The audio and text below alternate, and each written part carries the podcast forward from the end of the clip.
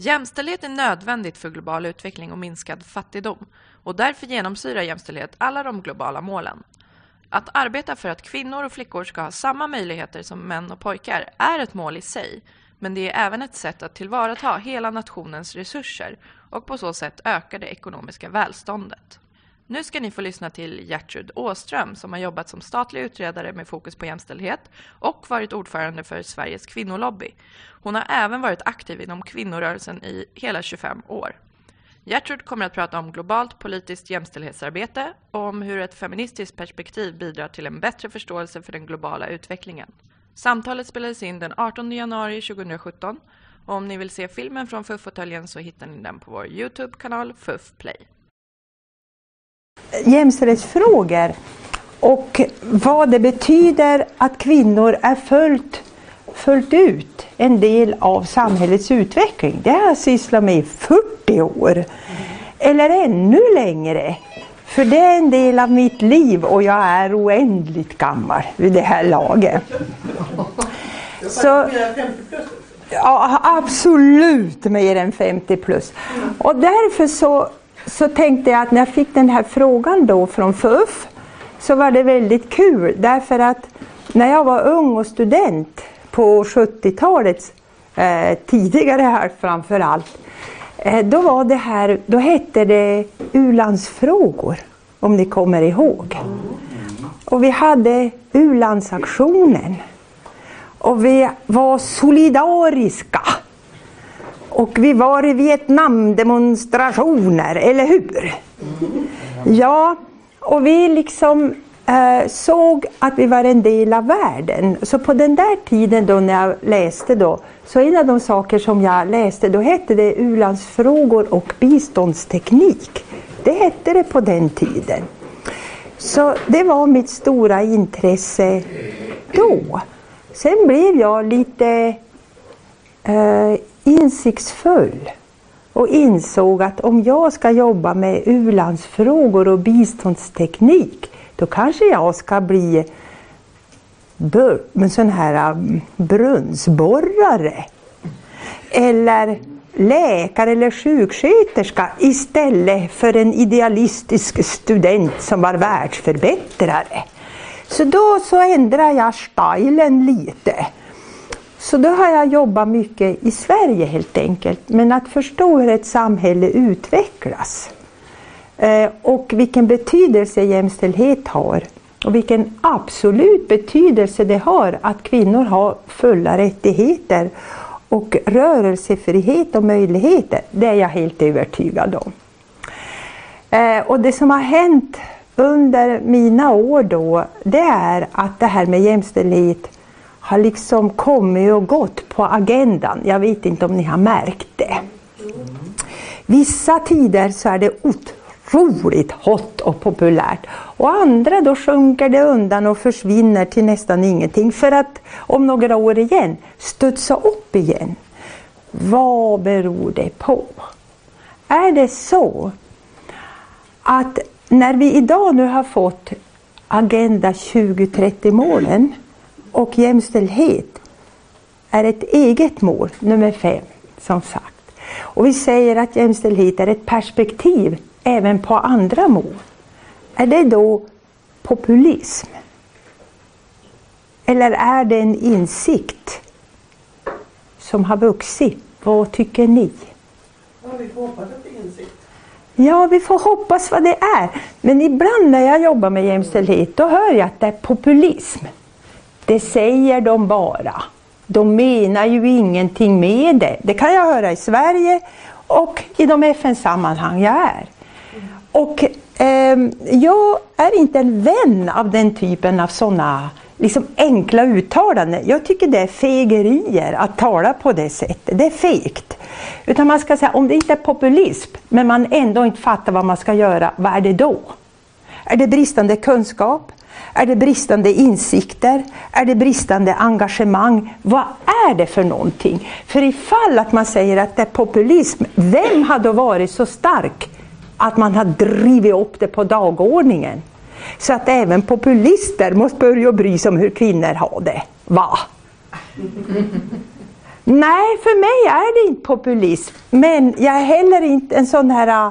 Jag tror inte att det är så enkelt heller att alla älskar den här frågan och alla bryr sig. För det vet jag nämligen att så är det inte.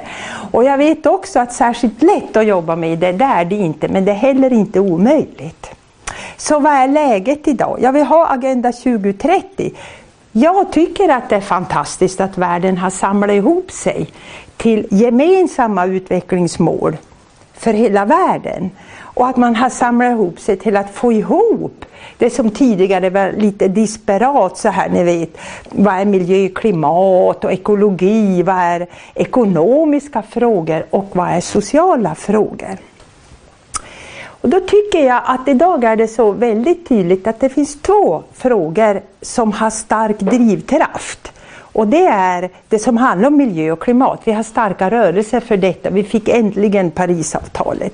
Och jag tycker också att det finns starka aktörer när det gäller ekonomi. Helt enkelt marknaden. Det som är svagt är det sociala. Det sociala perspektivet, de sociala rättigheterna, det socialas betydelse för en samlad utveckling. Förskräckligt outvecklat. Särskilt i globala sammanhang. Och varför då? Jo, för att det kanske rör vid frågor som är väldigt svåra att komma överens om på internationell nivå. Men nu är vi i alla fall där. Nu har vi baxat upp de där Agenda 2030 målen och det har blivit de här eh, oändligt många delmålen och de ännu fler indikatorerna. Och eh, jag antar att vi alla följer eh, sekretariatet, delegationens sekretariat som jobbar med hur, det ska, hur vi ska göra det här i Sverige med stort intresse. Jag gör det i alla fall. Jag tycker det är intressant att se hur vi ska få det gjort. Eh, och jag är säkert inte den enda som jämför Agenda 2030 med eh, vad som hände efter Riokonferensen eh, Eh, 1992. Då vi plötsligt fick lite fjong på sånt här som sopsortering och sånt. Ni vet. Så eh, vad som händer i FN Även om vi tycker att det är så svagt, så mycket och så mycket fel och så mycket brister. Så har jag under mitt liv sett att det har effekt. 1992 miljöarbetet, definitivt. Men om vi nu håller oss till jämställdhet, har det då haft någon effekt? Och definitivt ja. Eh, alla alla här inne har liksom eh, läst deklarationen, den allmänna deklarationen om mänskliga rättigheterna, eller hur? Ja, har ni den under huvudkudden på natten så ni kan veva fram den för att gå igenom de olika artiklarna. Ja, det är ju nästan så att man behöver det. Eh, därför att den är ju lite okänd. Om man verkligen börjar fråga vad står det i den?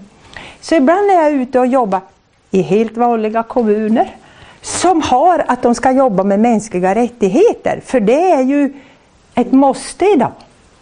Så kan jag fråga, vad tycker ni om deklarationen? Och då svarar en som hade uppgift att jobba med det. Nej, du vet sådana där tjocka dokument, man orkar ju inte med det. Då hade jag med mig det och så sa, Ja, så här supertjockt är det dokumentet så jag förstår. Och nu visar jag alltså ett vykort, typ så här. Ehm, det, det är ju ingenting. Det tar ju ingen tid alls att läsa deklarationen om mänskliga rättigheter. Ska ni ta bussen hem eller ska ni åka tunnelbana till centralen har ni ju klämt i er där. Det är typ fem tunnelbanestationer så har man läst deklarationen om mänskliga rättigheter. Så varför har de inte läst det trots att de ska jobba med det? Är det populism? Svar ja. Det är populism. Nej, det är inte. Det är lathet. Det är slöhet tycker en här en åhörare. Jag kan hålla med dig, men kanske är det en kombination i så fall. Man säger att man jobbar med något, för det ska man ju jobba med och det vet väl alla hur himlikens viktigt det är. Men man har inte läst något, man kan inte något men man ska jobba med det. Och då är det ju slut att inte rida på det. Håller med. Nåväl. FN-stadgan från 1945 där lyfter man det här med kvinnor och män och kön. Det lyfts upp där. Och det lyfts ju verkligen upp här i den här deklarationen. Men det vet ni ju att det som står där i första meningen, alla människor är födda fria och lika i värde och rättigheter, det var ju inte vad man hade tänkt skriva. Nej, det var det inte. Man hade tänkt skriva att eh, All men are brothers and created free. Ja, mm, då hade man tänkt klämma dit. Och då är det så viktigt att veta att de som då satt där, och särskilt Eleanor Roosevelt som är ordförande för kommittén, sa nej till det. Nej, det duger inte att det står All men are brothers heller. Och då försökte man säga att jo men, jo, men med all men så menar vi både män och women, sa man, så här lismande. Men det gick de inte på. Och därför blev det istället All Human Beings. Det är alltså en kvinna som såg till att vi blev med. För män hade man tänkt skriva. Sen sa man också are created som man tänkte skriva. Hmm. Ja, huruvida, vem då, under vilka villkor som vi må hända är skapade. Mm, ja, så därom råder det ju delade meningar runt jordklotet. Men de flesta håller med om att vi är födda. Och då blev det det. Alla människor är födda fria istället för att män är skapade fria. Typ skillnad. Eh, Sverige skrev naturligtvis under på detta. Men man lärde sig också omedelbart att när staterna väl hade skrivit under att alla människor är födda fria så måste man ju reservera sig mot kvinnors rätt till de mänskliga rättigheterna man just hade skrivit under på. Så vi lärde oss alltså, det finns en rad reservationer. Nej men kvinnor kan väl inte ha mänskliga rättigheter, hur skulle det då bli? Kaos! Eller vad då liksom? Så därför startar ju arbetet i princip momentant inom FN att skärpa det här med att kvinnor är människor och därför bärare av de fulla och odelbara mänskliga rättigheterna. Och det tog ju sin tid. Så jag säger att många här är ju unga. Så om ni nu ska vara lika uthålliga som de var så får ni ju bespetsa på en 20-25 år på att åstadkomma det ni tänker ikväll borde ske. Det gäller att inte ge upp och man ska jobba med kvinnors liv och rättigheter och jämställdhet.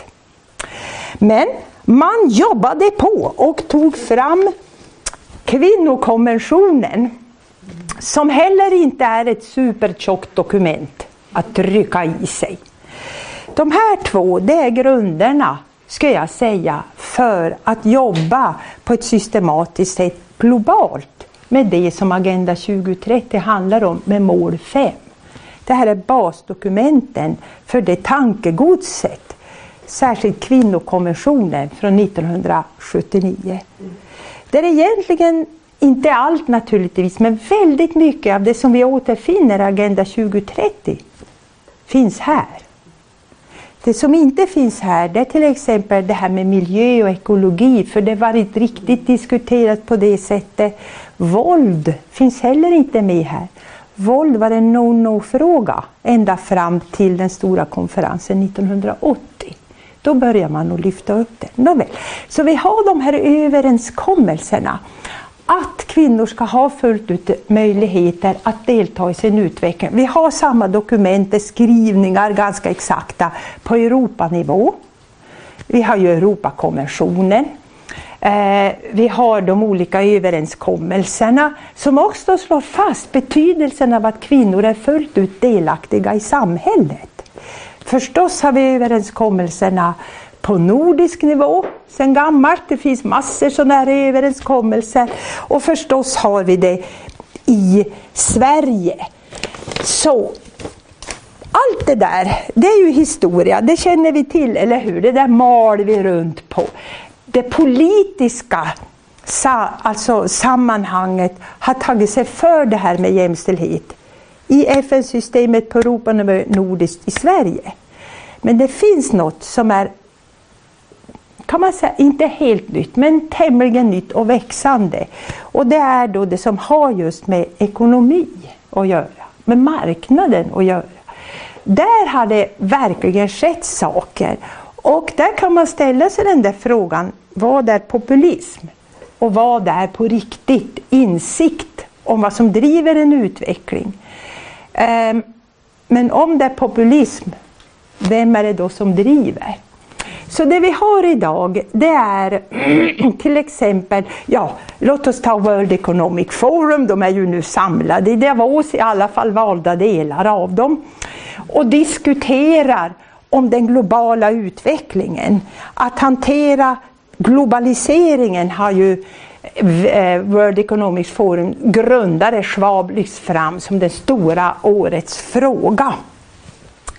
Eh, World Economic Forum de har under cirkus tio år gjort ett globalt index som handlar om just hur det ser ut med jämställdheten, eller ojämställdheten om man så vill.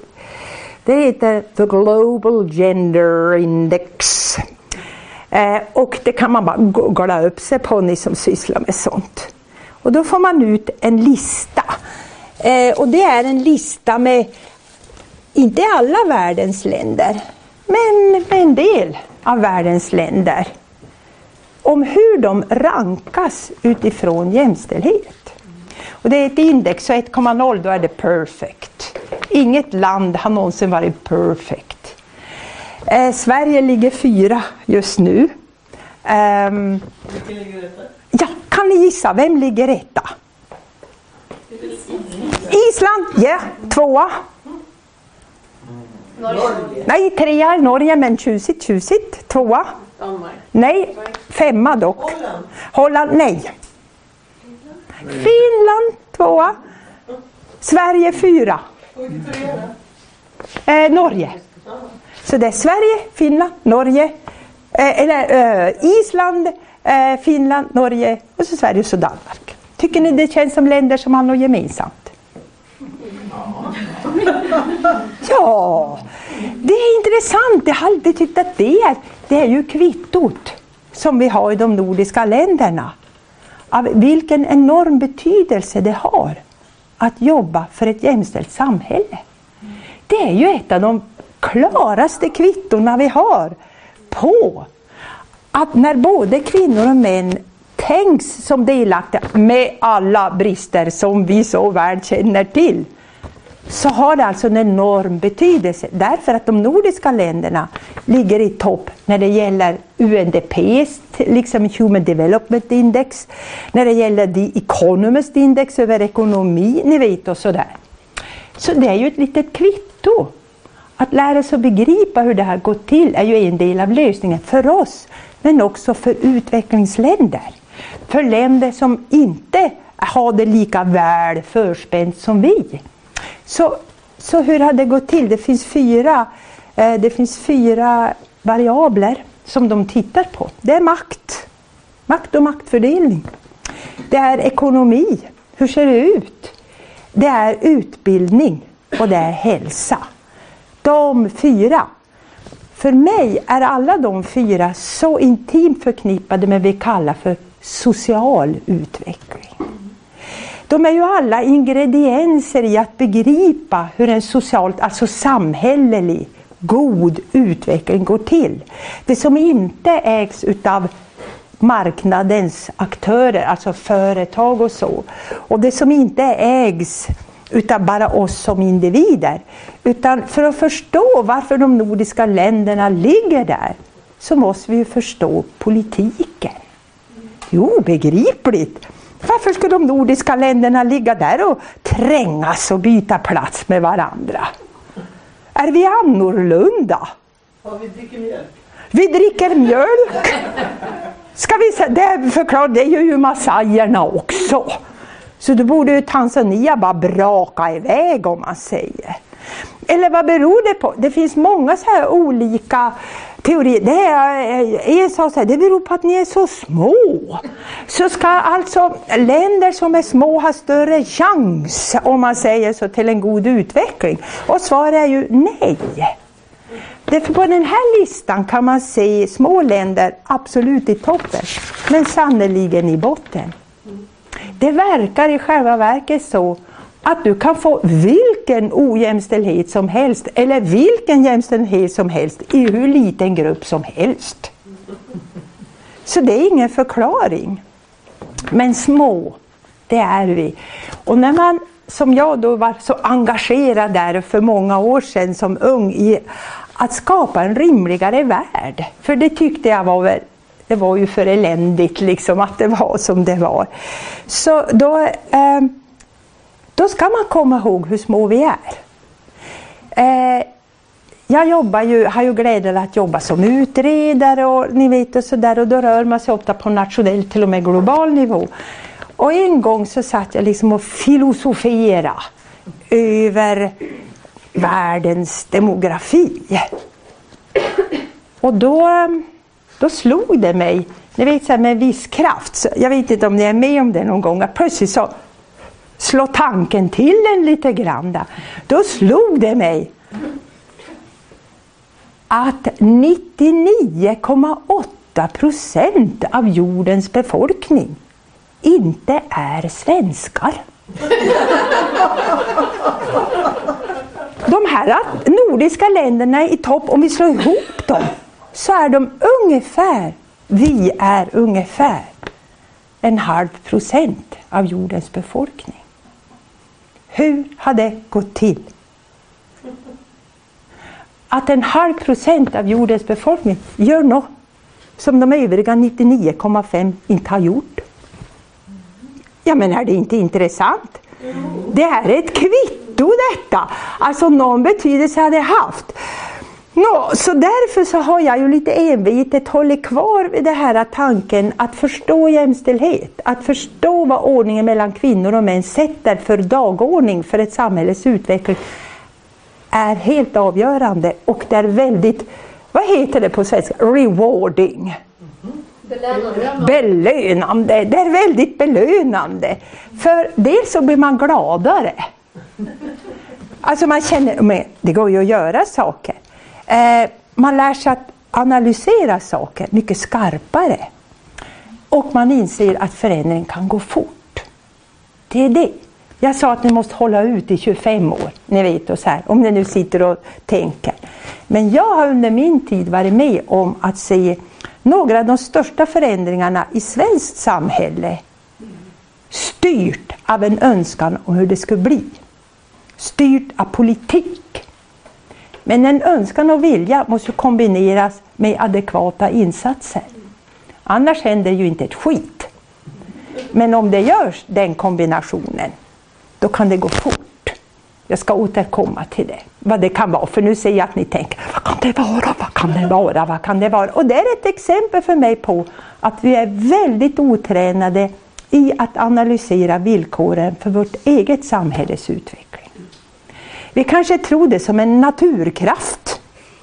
Eller kanske att vi de här 0,2 procenten, vi har några gener som är så himla märkliga så att det blir så här braigt. Men om vi tänker att nej, det har vi inte och det har inte med det att göra, utan det har med något som är gjort. Det har med något med hur vi gör att göra. Det är ju, då blir det intressant att förstå vad det var. Nåväl, jag börjar tycka att de stora institutionerna har börjat tänka som jag. Det vill säga, de har börjat bry sig. Inte bara, hoppas jag, populistiskt.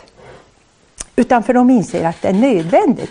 Så World Economic Forum är inte den enda storspelaren som har lyft upp det här med kvinnors rättigheter och jämställdhet.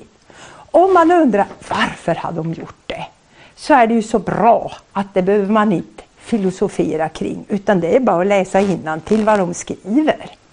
Och då skriver de så här att en jämställd ordning där kvinnor och män har likvärdiga tillgångar till vad samhället har, samma rättigheter, samma möjlighet att använda den kraften, energi, den intelligens, den förmåga, allt det vi gör som människor, är den viktigaste faktorn för att förstå en god utveckling.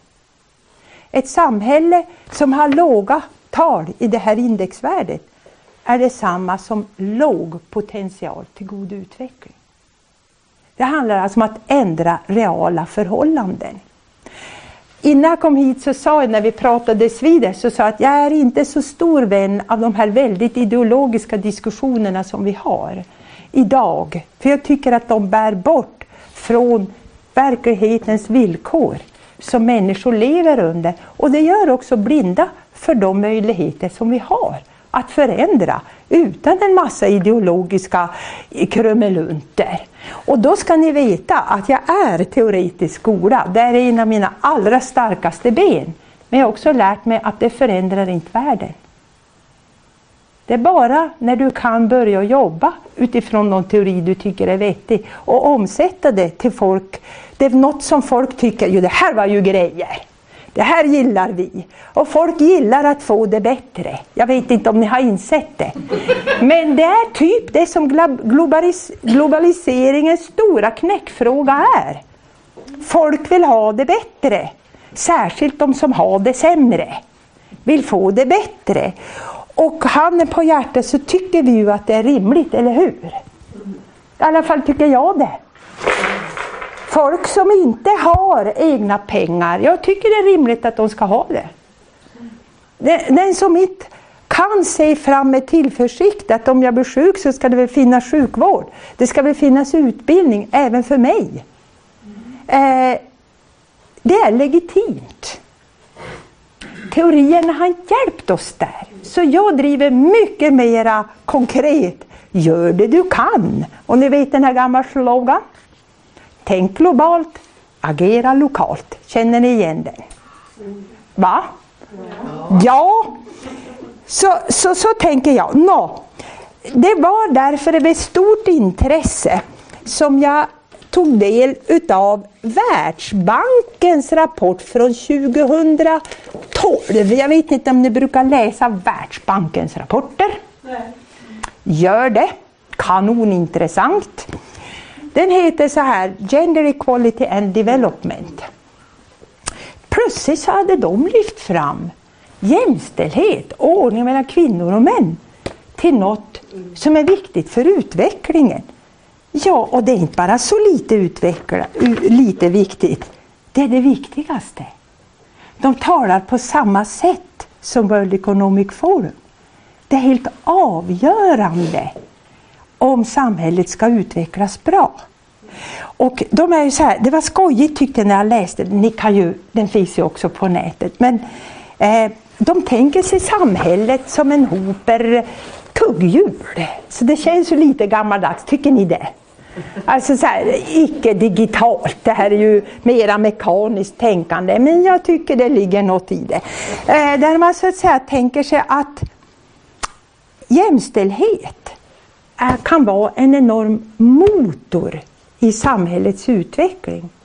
Eh, som kan bidra till marknaden, för de är ju på den också som ni vet. Som kan bidra till institutionella förbättringar, men framför allt endowments, alltså att varje människa kan så säga bli en del av att skapa sitt eget liv.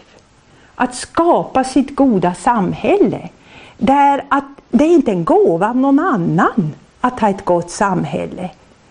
Det är vårt, vår egen möda som är att skapa det goda samhället. Så jag tycker ni ska ta och läsa det. Och det här är principen, det är en grå principskiss. Eh, om man då för på lite jämställdhet då blir det en grön rörelse, allt blir så bra, ni vet och så här. Och om man inte jobbar med jämställdhet, ja då blir det sådana allvarliga brister så det blir rena rama, liksom ni vet spärrar i de där kugghjulen ni ska få se. Då blir det så här. Det blir rött och stopp och ingenting händer. Är det där sant? Ja. Ja. Det är precis det det är. Och, eh, så jag blev väldigt upplyftad när jag såg de här. Sen har andra också, OECD, om ni följer deras rapporter, är också inne på den vikten med, med jämställdhet. Eh, stora sådana här eh, McKinsey, ni vet, sådana här storfräsarkonsultföretag. De pratar också om, de talar sig varma för detta, skriver rapporter om detta. Är det populism? Nej. Jag tror, jag hoppas, men jag är kanske optimist, att det börjar tagga ner.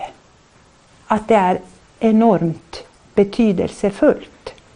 Och jag kan se det inom företagsvärlden där jag har vissa inblickar. När man pratar om eh, CSR-arbete, alltså Corporate Social Responsibility, där man börjar uttrycka som vikten av detta. Är en del av det populism? Ja, det är det. Men eh, de gör också bra saker. Men framför allt så har jag brytt mig om vad politiken sysslar med och gör. Har alltid tyckt att det var det intressantaste. Och när Therese och jag pratades vid då, in, inför det här, då sa jag att världen den är mer lik än vi tror. Alltså det som gäller här gäller också på andra ställen. Och det har jag lärt mig. De här mänskliga behoven, de är tämligen lika. Det är tämligen lika att jobba systematiskt och samordnat, ni vet och så här. Det är tämligen lika. Och jag har inte, inte levt mitt liv inom, eh, inom biståndet, men jag har gjort vissa sådana väldigt spännande jobb. Så som ung student så gjorde jag fältarbete i Egypten till exempel. Det var inom det som då hette eh, etnografi, särskilt utomeuropeisk och jämförande. Det här så hette ämnena på, då för, på stenåldern. Men då var jag i Egypten och gjorde fältarbete på ett jordbruk där. Det jag lärde mig där, det är något att vi kan jobba tillsammans och vi kan hjälpa varandra, inte bara att vi hjälper dem. Men grundproblemen är så lika. Och det går att förstå liksom, vad behöver göras. Och ni kanske undrar, vad kan det ha varit? Jag är ju född på ett jordbruk. Och när jag var där i Egypten, då fick jag som en sån här äh, syn. Jag vet inte vad, jag leviterade från jordens yta och reste mig liksom som i en helikopter upp och fick det här helikopterseendet över produkterna som for från det jordbruk som jag då var på. Eh, och så tänkte jag på hur det är i Sverige. De odlar bland annat tomater. De här tomaterna lastades på öppna, mogna, ova goda tomater.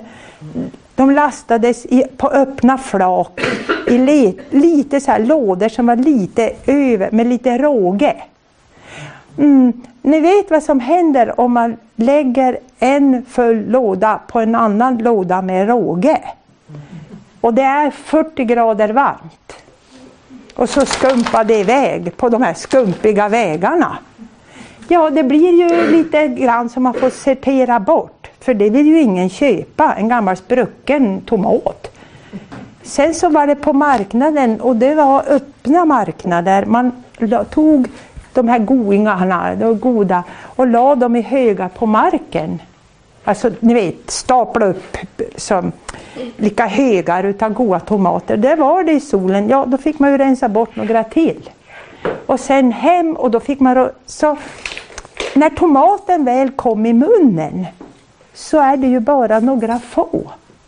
Hälften är ju borta, bortslösad. Mödan är väck. Det är mycket dålig ekonomi.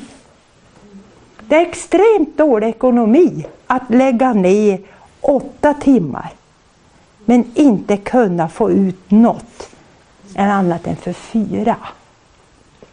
Och i den här, helikopter, i den här helikopterbilden såg jag då istället min egen hemby i Norrbotten. Hur vi hade färska bananer. Hur i hela friden gick det till? För odla bananer i Norrbotten, det gör vi inte. Och då såg jag hela detta, där kommer de ni vet med fraktfartygen, kylbilarna hämtar dem, ni vet och så här. Så vi kan äta, färska bananer. Så jag blev helt besatt utav det här med kylbilar och liknande där ett tag. Det har släppt nu kan jag säga. Men insikten om att det är infrastruktur, det är samordning, det är mö, människors möda måste tas tillvara. Det är liksom det. Jag har jobbat i Sydafrika också. Och eh, några år efter ANC, då, 94 alltså, eh, kunde ta makten där. Och jag kunde se, jag kunde se liknande saker där. Liksom. Då jobbade jag med kommunal utveckling och då, um, då sa jag, men de är ju så fattiga, vilket de är, och missbruket är enormt utbrett i de här ah, områdena. Och så sa jag att ja, men hur ska vi börja jobba så här lite klämkäck så här för att jag ser ju att de, ja, är lite, de lite fulla typ så mycket om man säger så. Ja. Och då Eh, och så sa jag, men vi kanske, vi kanske måste titta på det här, hur har svarta människor det? Ni vet och sådär. Då blev hon som jag jobbar med kanonarg. Hon ilskna till, ni vet sådär. Jag vet inte om, kan ni ilskna till? Men man kunde se att det liksom bara blev tom så här. Och så sa hon, you never talk about race here. Race is what kept us apart. You'll try to find something else to talk about. Pop, pop, och så gick hon ut. Ras är inte förklaringen. Hudfärgen är inte förklaringen. Vad är förklaringen till att de super sig fulla? Ja, de är ju fattiga. Mm. Och, för, och sen var jag ute i en sån här shantytown och då sa en så här You know they have all the time in the world to be drunk.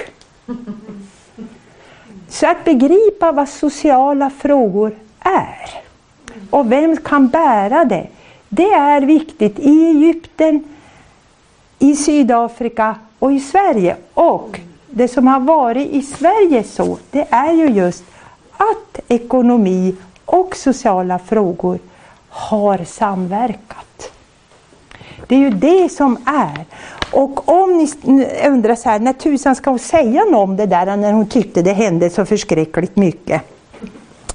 Så är det från mitten av 70-talet till slutet av 80-talet i Sverige. Det är en formativ period i Sverige som, vi, som jag tycker att folk liksom inte alls verkar fundera på. Men då gick kvinnors arbetskraftsdeltagande från ungefär 60 procent av kvinnor mellan 20 och 64 år, alltså den normala förvärvsåldern. Den ökade från 60 till 90 procent. Det är en 30-procentig ökning på mindre än 15 år. Det är en ökning med 800 000 kvinnor som gick från att inte ha egna pengar till att få egna pengar. Till att ha ett eget jobb. Den typen av enorma förändringar den kräver sådana institutionella förändringar i ett samhälle och de genomfördes. Det, det, det vi lär oss där att med politiska reformer, inte för att det löser allt, men nog tusan har det betydelse. Vi fick särbeskattningen 1971 som gjorde att även gifta kvinnor blev ekonomiska individer och inte som en del av mannens inkomst. Eh, hur är det i länder där kvinnor är underordnade och ekonomin dålig? Är de självständiga och ekonomiska individer? Svar nej. Så tips nummer ett, och det gäller även för europeiska länder, inför särbeskattning. Gör då kvinnor och män till ekonomiska individer istället för ett bihang till någon annan eller varandra och se vad som händer. Lika arvsrätt har vi ju haft i Sverige sedan mitten av 1840-talet, så det var inte problemet. Och rösträtt det har vi ju haft sedan 1921, även för kvinnor att utöva. Eh, man ska dock komma ihåg där att eh, när fick män rösträtt i Sverige? Det frågade jag en gång. Ni vet så här.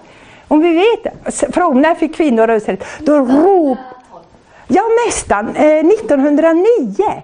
Men när jag var och pratade för ungdomar i gymnasieskolan, jag sa ja, alla visste 21, mm, guldstjärna till historieläraren, ni vet och så här. Och så frågade jag, men när fick män rösträtt? Och då var det en kille, han sa, har inte vi alltid haft det?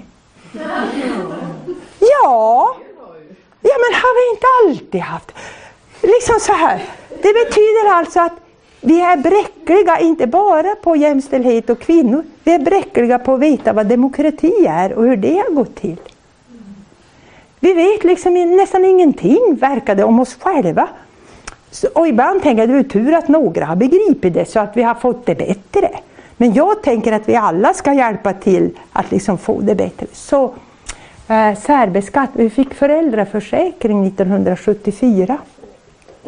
Som också gällde för pappor. Första gången i världshistorien som pappor blev föräldrar. Ja. Hade gått fort, inte hade gått fort. Men det kom ju nya siffror här, här bara för en dag sedan, eller två sedan kommer siffrorna. Eh, att svenska pappor tar idag ut 28 procent av de samlade dagarna för föräldraförsäkringen. Det är ändå en skillnad på 28 eller 0. Det jag kan se det är stora variationer, men det är inte viktiga här. Men tanken att kvinnor och män också är föräldrar och har ett gemensamt ansvar är avgörande för den sociala utvecklingen. För om kvinnor ensamma ska vara föräldrar, då kommer det inte att ske. Så enkelt är det. Kvinnor, brukar jag säga, har alltid haft en obegränsad tillgång till obetalt arbete. Det har aldrig varit svårt för kvinnor att få tag i detta. Att vara ensam ansvarig för allt som har att göra med de små barnen.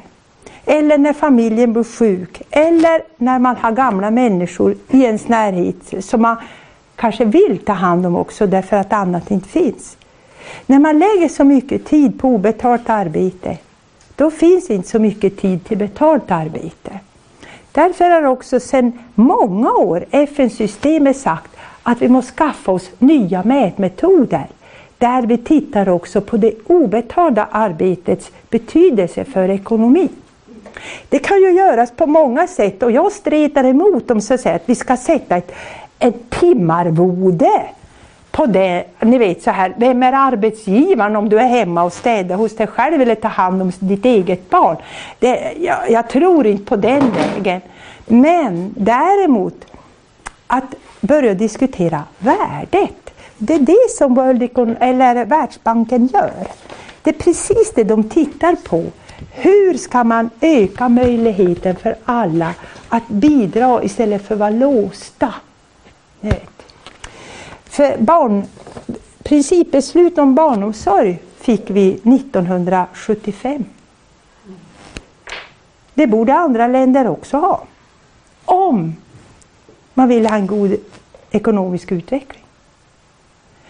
Så eh, under årens lopp så tycker jag att jag har, jag har lärt mig betydelsen av detta och um, så därför håller jag enormt starkt kvar vid just jämställdhet och kvinnors och mäns platser och förstå just den relationen.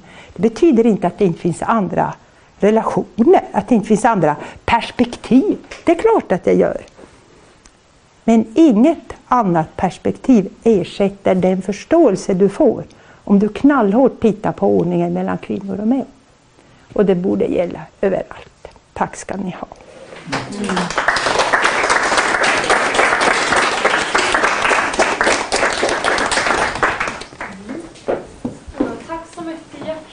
Jätteintressant. Ja, tack, tack. Shoot, shoot. Vad har ni för någon fråga? Ja, men det är roligt att du är här. Mm, det är bra. Jaha. Har vi någon som är sugen på att börja ställa en fråga? Jag kan ställa en fråga. Hej. Hej. Funkar den här? Behöver vi den? Ja, det är, för, det är för sändningen, streamingen eller okay. vad det hette. Um, mitt namn är Emma Bustos och jag jobbar för samordningen för den feministiska utrikespolitiken på UD. Mm, kanoners. Um, och en av våra största problem som jag upplever när vi ska sälja feminism utomlands är eh, motsättningen mellan rättighetsargumentet och effektivitetsargumentet. Att eh, vår utgångspunkt är att feminism och den feministiska utrikespolitiken baseras i rättigheter. I kvinnors rätt till lika behandling. Mm. Oavsett om det är ekonomiskt effektivt eller inte. Samtidigt som vi märker att det ekonomiska effektivitetsargumentet går hem mycket bättre. Mm. Och det är som du säger, precis på i princip alla områden eh, så är jämställdhet lika med en positiv utveckling. Och det är någonting vi brottas med väldigt mycket. Eh, har du några tankar kring det? Det första där, som jag, jag viftar ju med de här två grunddokumenten då, MR-deklarationen och kvinnokonventionen. Det är rättighetsdokument. Och jag tycker det är viktigt att, eh, att hålla fast vid. Särskilt kvinnokonventionen är otroligt. MR innehåller också skyldigheter. Det är på sista sidan. Många verkar inte orka läsa till sista sidan av MR-deklarationen. Men där är det väldigt tydligt inramningen utav de mänskliga rättigheterna. Man har plikter, var och en har plikter mot samhället. Det är bara inom ramen för samhällets lagar som de här rättigheterna kan utövas. Du, får, ah, du har plikt, jag har plikt att upprätta dina rättigheter, du har plikt att upprätthålla mina. Jag tycker att tänka så kring rättigheter, det är ju väldigt både filosofiskt och utmanande. Speciellt som vi vet att det inte är sant, att det är så. Men eh, redan på 70 och 80-talet, för då jobbade jag på Stockholms universitet. Och då, um, då, då tyckte jag att jag kände så här, så här väldigt starkt att vi, vi appellerar till att det här är ju orättvist. Det här är ju orättfärdigt, ni vet. Och det brydde sig ingen om. Det var det absolut minst verksamma sättet att tala att det är orättvist att vi har det så här. Ja, vem bryr sig? Ungefär så. Så för mig har det varit så att, att försöka läsa dem och tänka dem och förstå vad säger vi när vi, har, när vi pratar om rättigheter. Det ska vi aldrig glömma bort. Jag tycker det är bra att man i utrikespolitiken, som är politik, som är kampen om att definiera verkligheten. Jag vet inte hur ni definierar politik, men det finns en norsk statsvetare Eh, som heter Beatrice Halså. Och så hennes definition, den har jag i skallen och det är just politik. Det är kampen om att definiera verkligheten.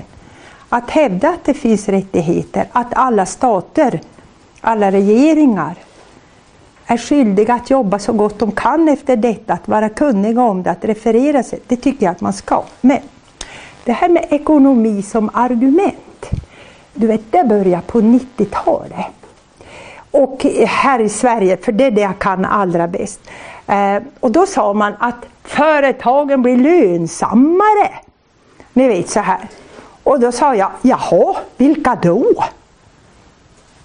Ni vet så här, ja men jag är som sagt jag är väldigt faktisk, empirisk. Vilka företag? Ja, i princip var det ju då så. Alltså, så det inte, då var det populism, det kan jag säga. Det var ett sätt att försöka bli i samklang med det som är de som hade tolkningsföreträde. Att prata om ekonomi. Så för, för 25 år sedan, då skulle jag hålla med det helt och hållet. Alltså det var, det var en anpassning till det som då liksom marknaden, nu vet du, så här, och ekonomi. Men det är det som jag grundar över, och det grundar jag över på riktigt. Det är just att det har rört sig bort från populismen. Ekonomisk utveckling kan inte ställas mot ett rättighetsperspektiv. Eh, därför att hela det här rättighetsperspektivet går som sagt var ut på folk ska ju få det bättre. Så när det, när det handlar om utrikespolitiken som, jag, som ju du kan betydligt bättre än jag och jag tycker att det är hemskt spännande eh, att vi har en feministisk utrikespolitik. Var kan den spelas ut och så? Kan man påverka handelsavtal till exempel? Sverige är som sagt var en liten mygga som piper må hända. Eh, men kan man göra någonting där? Det skulle inte vara, det skulle inte vara fel om vi använder det till att till exempel få fram bättre villkor för de som jobbar i industrier i Pakistan eller så här. Jag tycker att de ska ha bättre villkor. De ska inte vara inlåsta och bli innebrända och liknande. Ehm, jag tycker så här, man ska lära sig vad ekonomi är. Och så måste man använda deras sätt att prata argument. Men aldrig glömma sitt eget perspektiv.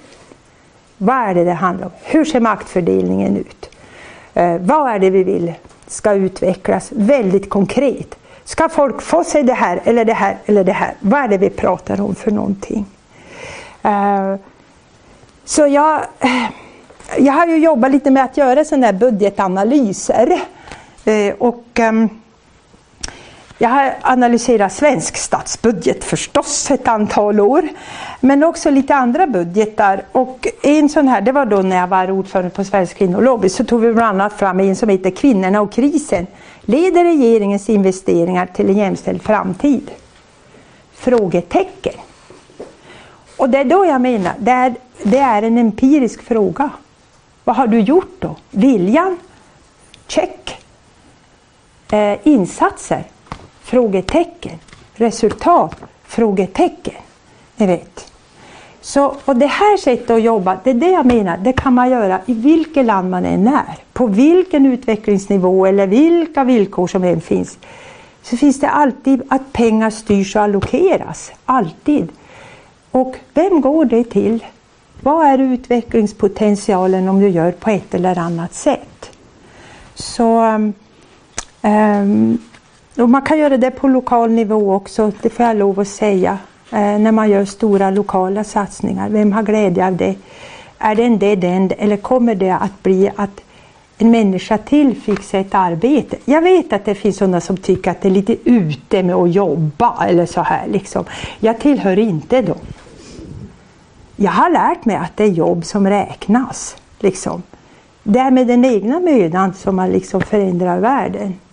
Eh, så jag, får folk se jobb, får de se egna pengar, kan de få sig en bostad, kan de, göra, kan, kan de vara fria, kan de få resa. Och med feministisk utrikespolitik våga säga de sakerna på ett väldigt enkelt sätt så tror jag att det kommer att revolutionera, revolutionera världen. För de flesta pratar inte så. Utan man pratar om röda och siffror och svarta siffror och avkastning hit och dit och allokeringstal och ni vet och så här. Men vad ledde det till? Vad var det den feministiska politiken ville? Det var ju att både kvinnor och män ska vara delaktiga i samhället och få det bättre. Och jag tycker naturligtvis att arbetet inom ramen för säkerhetsrådets resolutioner, det som handlar om konflikter och konfliktavvärjning och Eh, hantering utav resultat av krig och konflikt. Att liksom säkerställa att kvinnor är med där och har sin röst är avgörande. Men även det ifrågasätts ju av de som inte vill att det ska bli någonting. Så hej att du är på UD, det är ju kanonbra.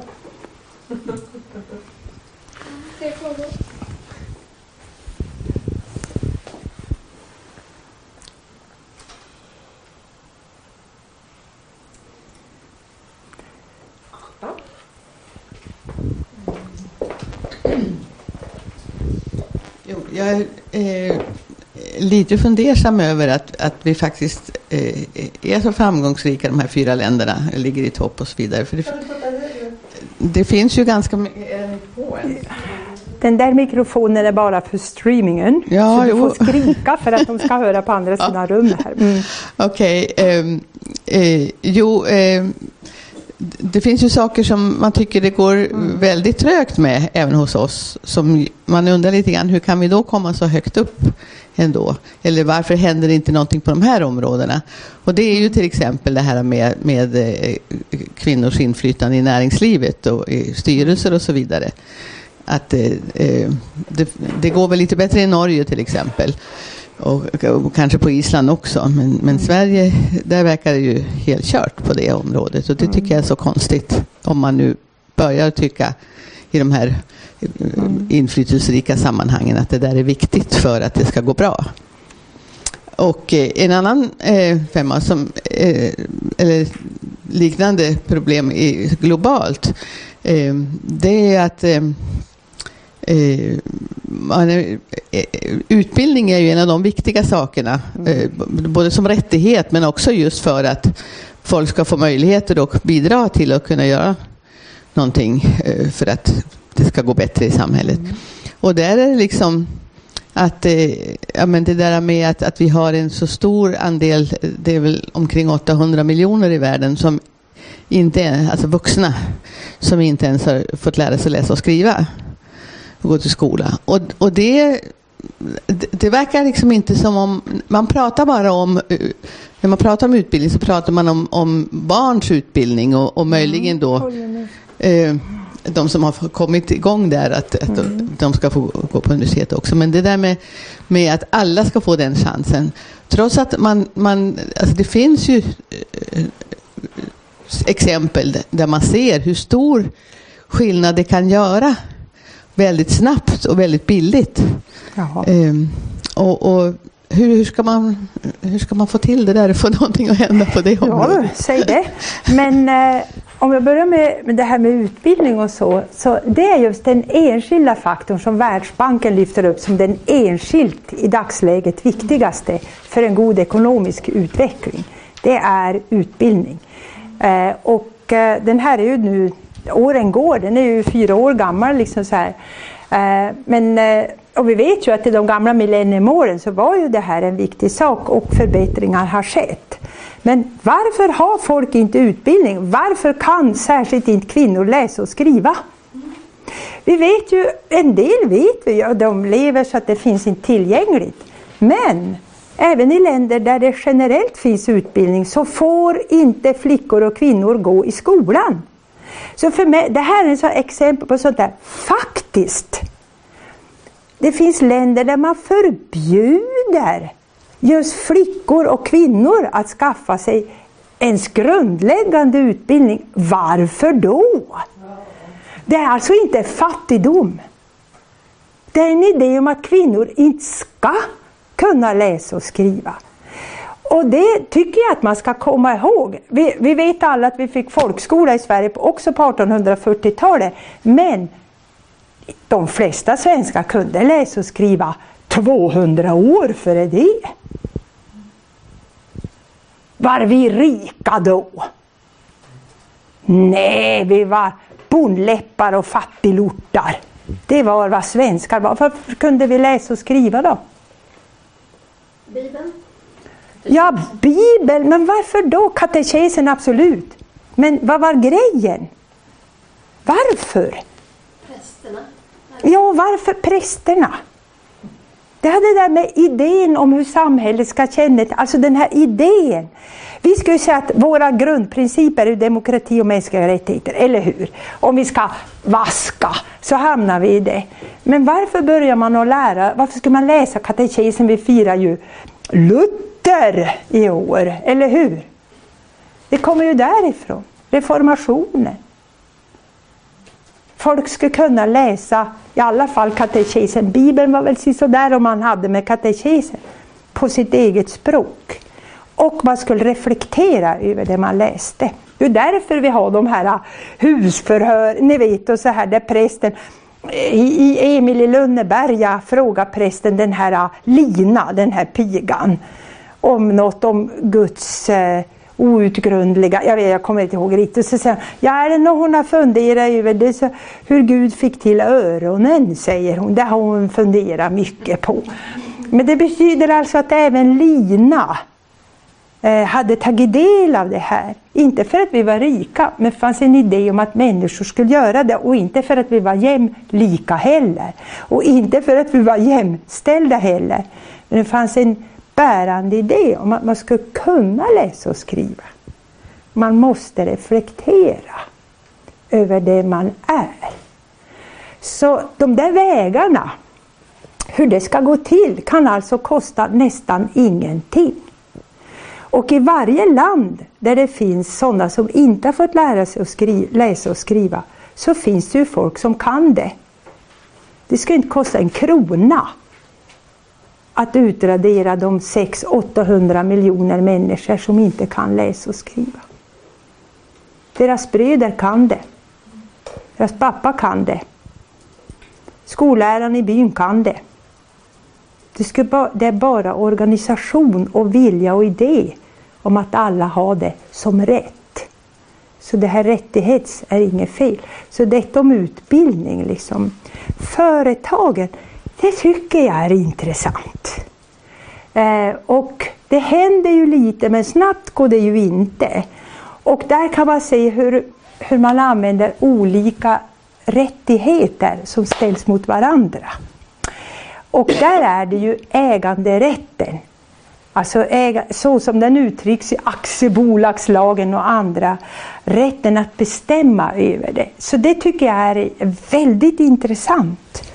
Eh, ofta brukar man säga så här, jo men det är så mycket bättre på annat håll. Men det är ju inte något bättre på annat håll. Det ska vi ju komma ihåg. Sverige har nästan lika hög kvinnorepresentation som, idag, som Norge som har infört lagstiftning.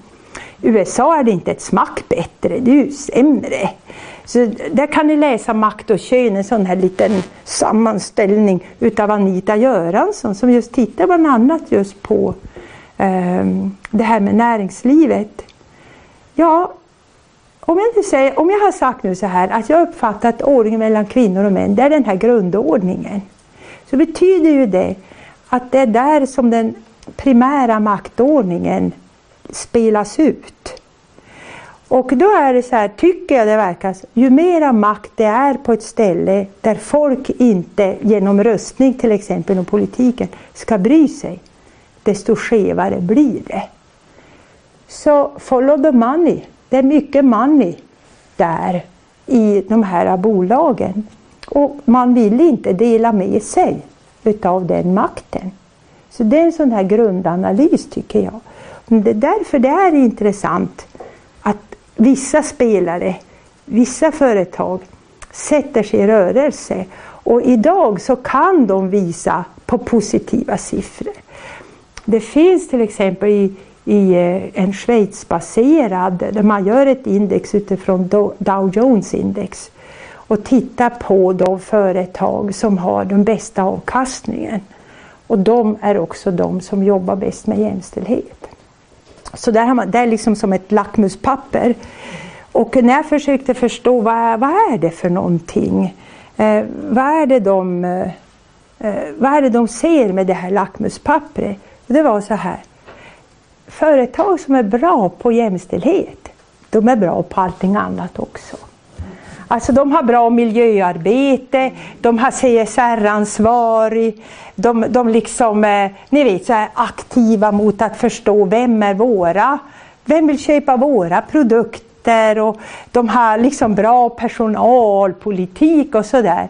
Så det, det verkar så att de företagen helt enkelt är i samklang med de vi är idag och de förhoppningar som människor har idag. Um, lättare för um, uh, unga människor som ska vara småbarnsföräldrar att kunna vara ledig, ni vet och så här. Inte för att um, idealisera det, för det finns ju hur mycket som helst att göra. Och vissa, vissa har ju visat sig vara som mammutar eller dinosaurier. Alltså, vissa delar av svenskt näringsliv har ju visat sig just som dinosaurier. Och så försvann de också en massa. De sorterades ju ut. Varför då? Jag vet inte om ni tänkte på det, ni som nu är unga och studerar. Hade ni diskussioner? Vad hände i industrivärlden egentligen? Va? Satt ni inte och hetsade upp över detta? Alla dessa tolvtaggare som plötsligt bara... Ut med dem! Vad var det för någonting? Var det bara en ytlig fernissa? Varför behövde man den? Var det populismen hade drivit fram det i så fall? Vad stod det för? Så eh, nu kommer det inte att bli någon lag, vad vi förstår. De lägger inte fram förslaget och det är väl lönlöst att få igenom det då. Efter vad man hör. Eh, man kan säga att kvinnokonventionen ger stöd för det.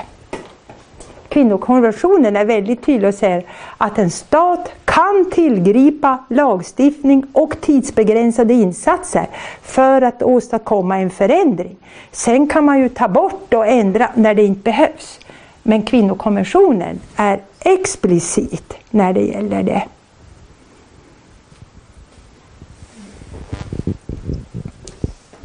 Fler frågor?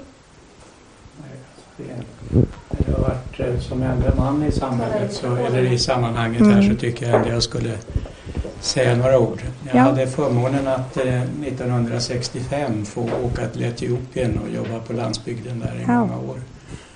Och eh, jag har ju sett en oerhörd förändring ske i de här länderna eftersom jag har fortsatt att, att arbeta genom Sida och på andra sätt. Så det är otroligt mycket som faktiskt har förändrats Mm. på ett positivt sätt. Men det är ju också så sorgligt på något vis att ju bättre man får det, ju ännu bättre vill man ha det. Och ju ännu starkare förmår man se till att man får det ännu bättre. Så att just det här med, eh, med de mänskliga rättigheterna och fördelningsfrågor och så är ju så fullständigt fundamentala för Mm. att eh, systemet verkligen ska funka. Om man ser på var, eh, var pengarna i Sverige finns någonstans och var de multipliceras allra snabbast så är det ju väldigt tydligt liksom att, att det som är bara befästs ännu starkare om man inte tillgriper till och med lagstiftning för att faktiskt få förändringar. Mm. Väldigt spännande att lyssna till dig och väldigt mycket kloka saker du har sagt på ett Ja. trevligt sätt. Jag tycker det är roligt också att du ändå känner optimism. För att jag tycker att det är förödande, särskilt om man är ung, att inte känna hopp om framtiden. Inte, inte så här, ah, inte så här ah, nu ska vi hoppas på det bästa. Men liksom att, att se också att, att arbete lönar sig, de här ansträngningarna. Folk har ju fått det bättre. Vi har fått det bättre. I den byn jag kommer ifrån, det var bara en eller två som hade rinnande vatten. Mm. Under min livstid, alltså jag menar kom igång liksom.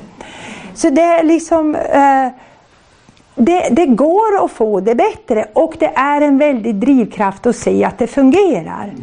Så förutom det här som jag tycker också, en, en extrem koncentration utav tillgångar om man säger så, som inte används på ett särskilt smart sätt. Och tycker jag det är en politik som har abdikerat.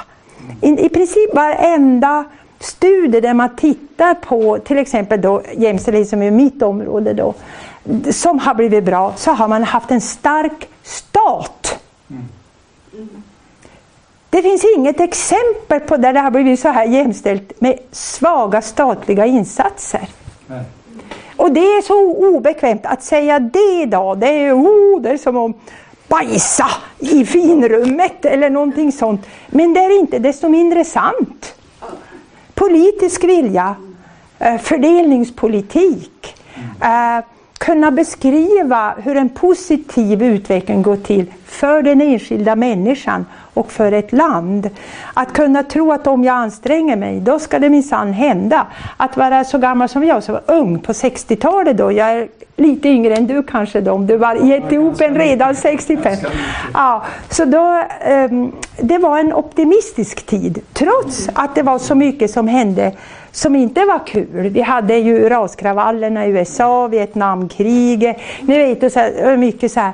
Men Eh, och det var kalla kriget, det var liksom atombomben som hängde som ett moln över oss och så etc. etc. Men det var optimistiskt. Och varför var det det? Jag tror att det var för att helt vanliga människor, vanligt folk, fick det bättre. En väldig ekonomisk tillväxt. just. Enorm! Det var en ekonomisk tillväxt. Och det var ju den ekonomiska tillväxten som man använde som argument i svensk jämställdhetspolitik för att göra det jämställt. För att lösa ekonomins problem med arbetskraftstillgång och så när ekonomin växte så oerhört snabbt. Så tillmötes gick man ju kvinnorörelsens krav på eget jobb och ropande skalla, daghem åt alla och alla de här sakerna. Liksom. Barnomsorgen, absolut, absolut. Så man tillmötesgick ju det. Men det gjorde man därför att man skrev ihop det med samhällets ekonomiska utveckling. Inte för företagarna, men samhällsekonomin. Men eh, man får inte glömma bort i det sammanhanget, jag håller med dig om det. Det är det här att eh, allmänbildningen Mm. satte man ju fram väldigt kraftigt. Jag är uppvuxen i norra Småland. Va? Och just det här med att tillgången till kultur och kulturskolor Ja. och pröva på olika saker och sånt här som man fick alltså när man vä- man växte upp via skola eller på annat sätt. Och likaså, jag är uppvuxen i norra Småland, jag är inte frireligiös va? men vi gick i skolan tillsammans vilket var väldigt eh, bra tycker jag för att det innebar ju att man fick en respekt alltså också för varandra även om man inte träffades på fritid. Men det var väldigt mycket olika typer av aktiviteter som, som alla fick en tillgång till alltså och man insåg vikten utav detta för att få en god allmänbildning och studera vidare. Mm. Och jag själv, eh, ett typexempel då kan man väl säga det som har gått igenom allt det här. I och med att man var aktiv inom Folkets park till exempel va, som fanns. Som i och för sig ansågs lite grann som syndens nästa, ja, men det var det ju inte. Va? Men, ehm, och likaså lite andra sådana här saker. Och eh, jag själv fick ju också kännedom då på det sättet om till exempel internationella frågor. Därför att då på min tid där turnerade till exempel olika Ja, Ella Fitzgerald, Louis Armstrong, Duke Ellington, alla Mm. sådana här turnerade alltså i olika ställen och det blir med att man undrade så småningom vad är det här för en avasa sig? Och då började man ju lära sig någonting om vad som hände och skedde ute, inte bara i böcker utan kunna prata med folk på olika sätt. Va? Och andra sådana här viktiga saker. Och det är detta som jag tycker på något sätt att man har tappat nu här i Sverige. Att man inte ser på bredden och vikten av att få detta att fungera för alla personer på olika sätt. Alltså. Mm. Sen Vad skulle du vilja göra? vad ni- Ja, vad skulle du vilja göra? För det, det tror jag många Ja. alltså, är väldigt upptagna. Som du sa, på, vad, vad, vad gör vi då? Liksom? Vad ska vi göra då? Kanske fuffarna kan svara på Jag, jag, har, jag måste lägga till också det. det I och för sig jag har haft tur här i livet och efter det så studerade jag i Lund va, så att jag är inte stockholmare så att säga. Men eh, sen så var jag här uppe i Stockholm och eh, första gången jag gjorde någonting förutom aktiviteterna med Vietnam och liknande och sånt där var också det var att jag åkte till Sydamerika och började jobba som volontär. Och jag ansåg mig inte som expert på något sätt. Utan tvärtom. Utan att folk kan sitt men man kunde ju hjälpa till och man kunde lära sig. Va? Och sen efter det så har det varit lite olika uppdrag på olika håll och sånt. Och eh, jag tycker att det är väldigt viktigt att man tar fram det här när man kommer till olika länder att man inte tror att man är det här med, man gillar ju att kalla sig för specialistexpert och allting sånt där nu för tiden. Jag tycker att det är lite överdrivet. För att så är det faktiskt inte riktigt. Nej. Utan det är väldigt mycket annat. Men ursäkta att jag tog så mycket tid. Nej, det går bra. Men jag tänkte eh, kanske det är dags att sluta. Jag tycker det ser ut så här att det börjar tänkas som det. Jag tog med mig en bok eh, som är ny och som, som eh, är utgiven eh, Ja, ja, nu i år faktiskt. Eh, den, eh, jag blev uppmanad att skriva en text, John Hopkins universitetet i New York. Och den heter Nordic Ways. Och det är alltså från eh, alla nordiska länder olika sätt att beskriva Nordic Ways.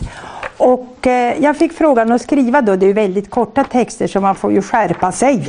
Men liksom om, eh, om eh, ja, den svenska jämställdhetens eh, utveckling, alltså politiken och vad det betytt, hur det har gått till och så. Så gjorde jag en sån här liten koncentrerad text. Så jag kallar den för A Human Agreement. Så den kan ni ta, den finns säkert på nätet. Som ni kan ta och läsa. Mm. Här först. Hej, eh, Anna heter jag. Tack för en väldigt bra och entusiasmerande Mm, eh, presentation för, för oss som tillhör då det yngre, den yngre generationen som ska ta det här vidare. För jag kan absolut känna mig pessimistisk ibland. Eh, min fråga gäller eh, vilket område i Sverige tycker du är det viktigaste att ta vidare nu när det gäller jämställdhetsarbetet? Ja, det finns ju flera. Ett av mina jobb har ju varit att vara statlig utredare av jämställdhetspolitiken. Så jag kom ju fram till fyra på den tiden. Makt. Alltså, det övergripande målet för svensk jämställdhetspolitik det är att kvinnor och män ska ha samma makt. att forma samhället och sina egna liv. Vad tycker ni om det? Visst är det bra? Det är jag själv som har hittat på det. Det är liksom så det är. Så för mig är det så att det handlar om att ha makt att forma samhället. Men man formar inget samhälle om man inte kan känna att man formar sitt liv. Och det är ju mitt sätt att uttrycka demokrati och mänskliga rättigheter. Så makt och inflytande, det är en sån där sak. Makt måste betyda då att det är, makt måste betyda då att det är väldigt många riksdagskvinnor Makt representation i formella sammanhang är viktig. Absolut. Absolut. Makt är ju eh, att jag valde det istället för att prata om möjligheter är ju för att makt är någonting som skapas här en relation hela tiden. Det är ju ett komplext. Men det kanske tar någon annan gång. Men det, de andra områdena som jag tycker är viktiga, och jag, är ju, jag är faktisk, det handlar om att kvinnor och män ska kunna ha ett jobb som ger ekonomisk självständighet. Mm. Livet ut klämde jag till med och fick igenom. Och är det något som vi inte har så är det ju det.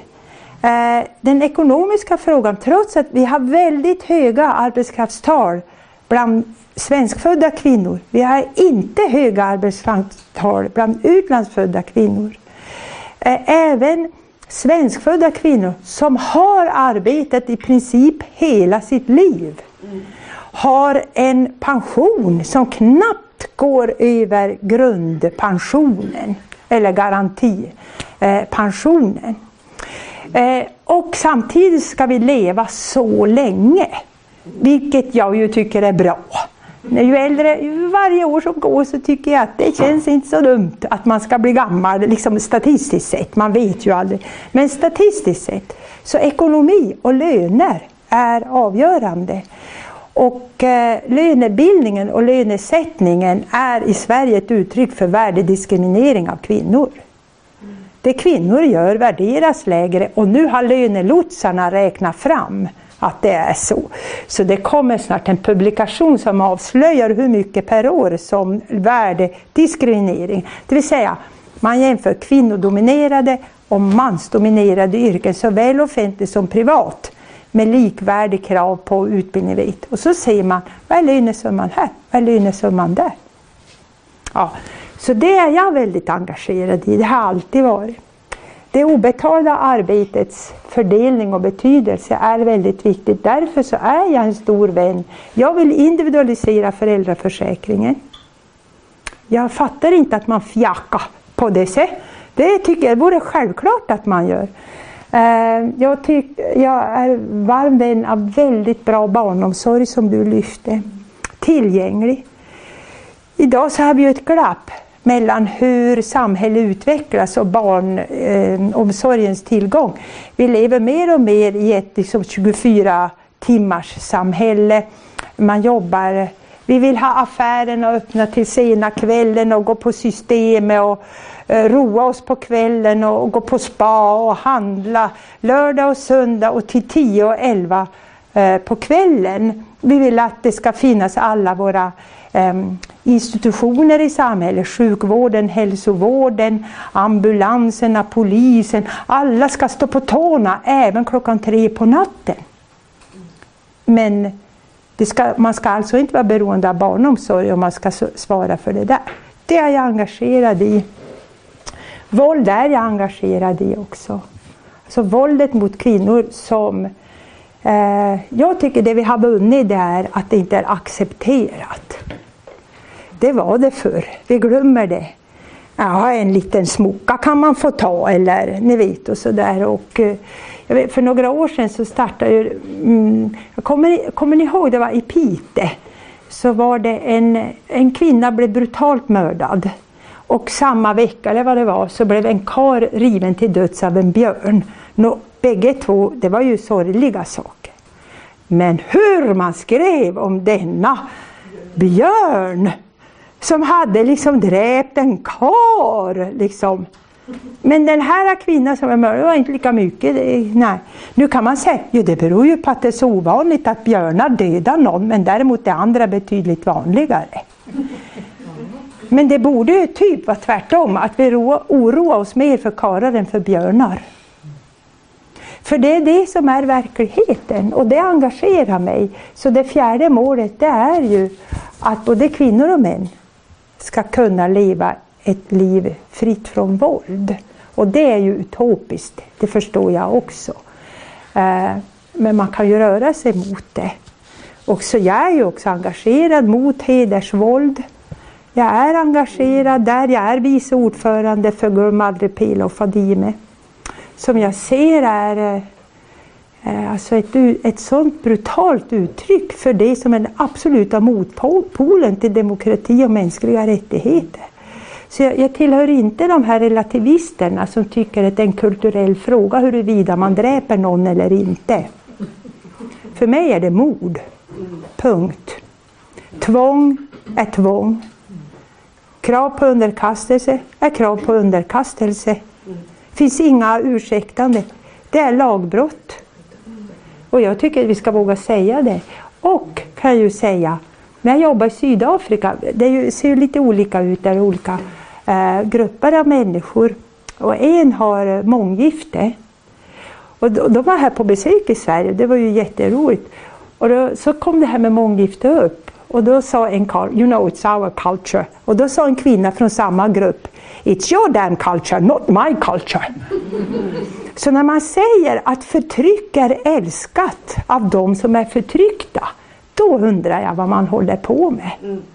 Vem älskar att bli slagen? Vem älskar att få underlivet sönderskuret av ett rakblad eller glasbit? Den som älskar det kan ju ställa upp. Men det är det ju ingen som gör. Så för mig är det så att jag är inte relativist och det beror på att jag har fått leva tillräckligt länge och vara i tillräckligt många länder och träffa människor som jag känner igen mig själv i. Och jag vet ingen som vill bli förtryckt. Tack för att du har lyssnat på FUF-podden. FUF är en förening som sprider information och skapar debatt om globala utvecklingsfrågor. Mer information om vår verksamhet hittar du på fuf.se. www.sverigeradio.se.